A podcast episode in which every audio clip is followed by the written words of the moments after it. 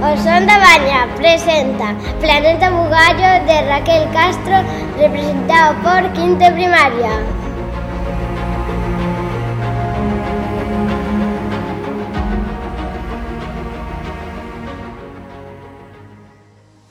Capítulo 2 Cando están a piques de irse, de denas, liade o gardamontes.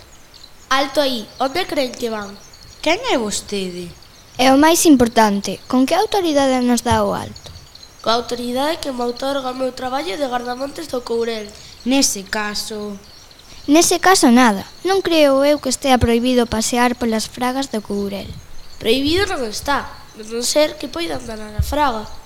Xa me dirá vostede como poderíamos nos danar a fraga. Iso, iso, xa non lo dirá. Pois a verdade é que teñen vostedes pinta de moi, pero que moi sospeitosas. Sospeitosas de que, se se pode saber? Sospeitosas de piró, De piro que? de pirómanas, señorita, de incendiarias. E iso porque o di. Van de funda verde para camuflarse coa paisaxe. Levan aí un aparello que semella botar lume. Non sei que lles diga.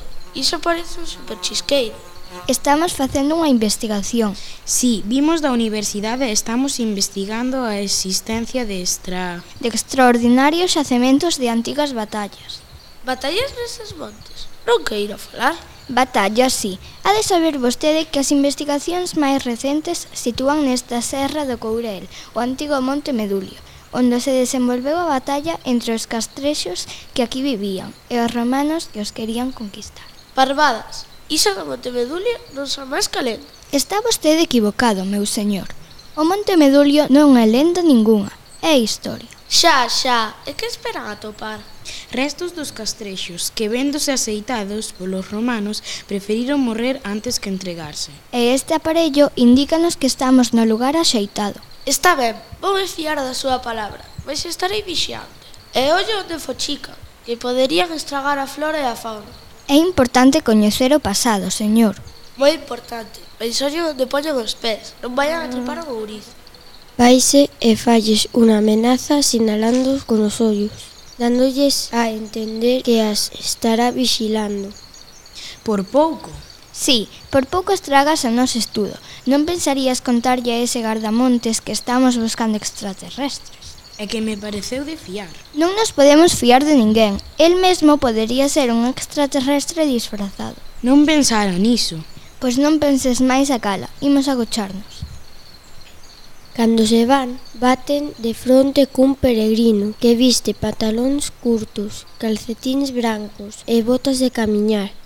Na cabeza leva o sombreiro de Santiago e na man o caxato o peregrino Peter fala con acento inglés. Bos días. Bos Bos días. Estou um pouco perdido e a caminho de Santiago de Compostela e não sei. Devo dando voltas uma hora e não acerto como seguir o caminho. Se fossem tão amáveis de indicar-me se vou na boa direção, Oxe acolle nunha parte a Carme. Será este o extraterrestre que ven disfrazado de peregrino? Debe ser, porque o aparello non para de soar. que é esse choio que pita tanto? Nada, nada, xa o apago. Dicía vostede que ia a Compostela? Se sou um peregrino que venho de muito longe. Mais alá das estrelas, non? De algún lugar do universo, quizáis. Eu, de Inglaterra. É así como se chama o seu planeta? Meu planeta, Din. Vocês nunca ouviram falar de Inglaterra? No sistema solar? Non. Ao público. Pois sim que estou perdido. Isto deve ser um aldeiada do mundo, porque para não ouvir falar de Inglaterra ainda que seja mal, E onde deixou a súa nave? nave. Que nave? A nave na que venden de Inglaterra. Cal vai ser? Verão vocês, como lhes dizem, estou fazendo o caminho de Santiago e não trouxe nave nenhuma. Vim a pé.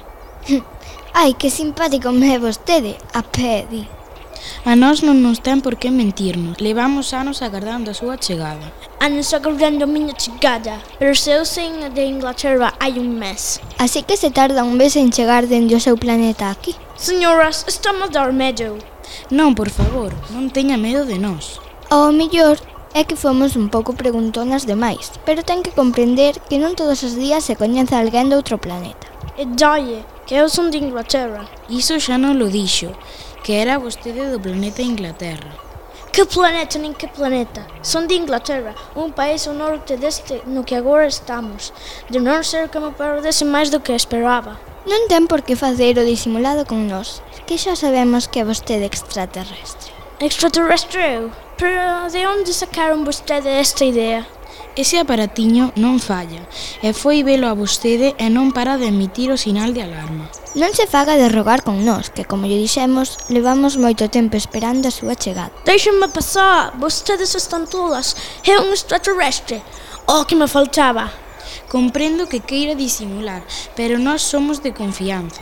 Deixenme pasar. Hai que ver que xentiña máis rara por aquí. Eu esperaba topar un xabaril, unha donicela, un esquío, un armiño, unha xineta, un um lobo se cadra, pero isto, isto é moito. Moito sabe de fauna do país, quizáis sexa a súa base da súa alimentación. Non faga o disimulado e confese. Vostedes trolearon. Deixenme pasar que se me fai noite teño que atopar o albergue. Non se vaia, Confía en nós. Abur, señoras. Saúda sacando o sombreiro de peregrino e baixe. Uxé e Carme quedan paradas sen saber moi ben que facer. seguímolo. Non sei, e se dixo a verdade era realmente un inglés que estaba facendo o camiño de Santiago? Imposible, o radar de extraterrestres non parou de emitir sinais. Pois seguías emitindo e xa marchou. Tes razón, e se metemos a pata, agora o peregrino vai saber que estamos buscando extraterrestres. E a quen lle vai dicir se se marchou pensando que éramos dúas tolas do mundo? Niso tes razón, que vergoña. Escoítase un ruido coma o aterrar dunha nave e vese unha luz por entre as árbores. O aparello emite sons de novo. Agora sí, agora sí que chegaron. Apago o aparello e ímonos agochar. Aí mesmo, detrás desas xestas. Carmen e Uxía recollen o aparello e foxen para detrás das xestas. Non se perdan o próximo capítulo.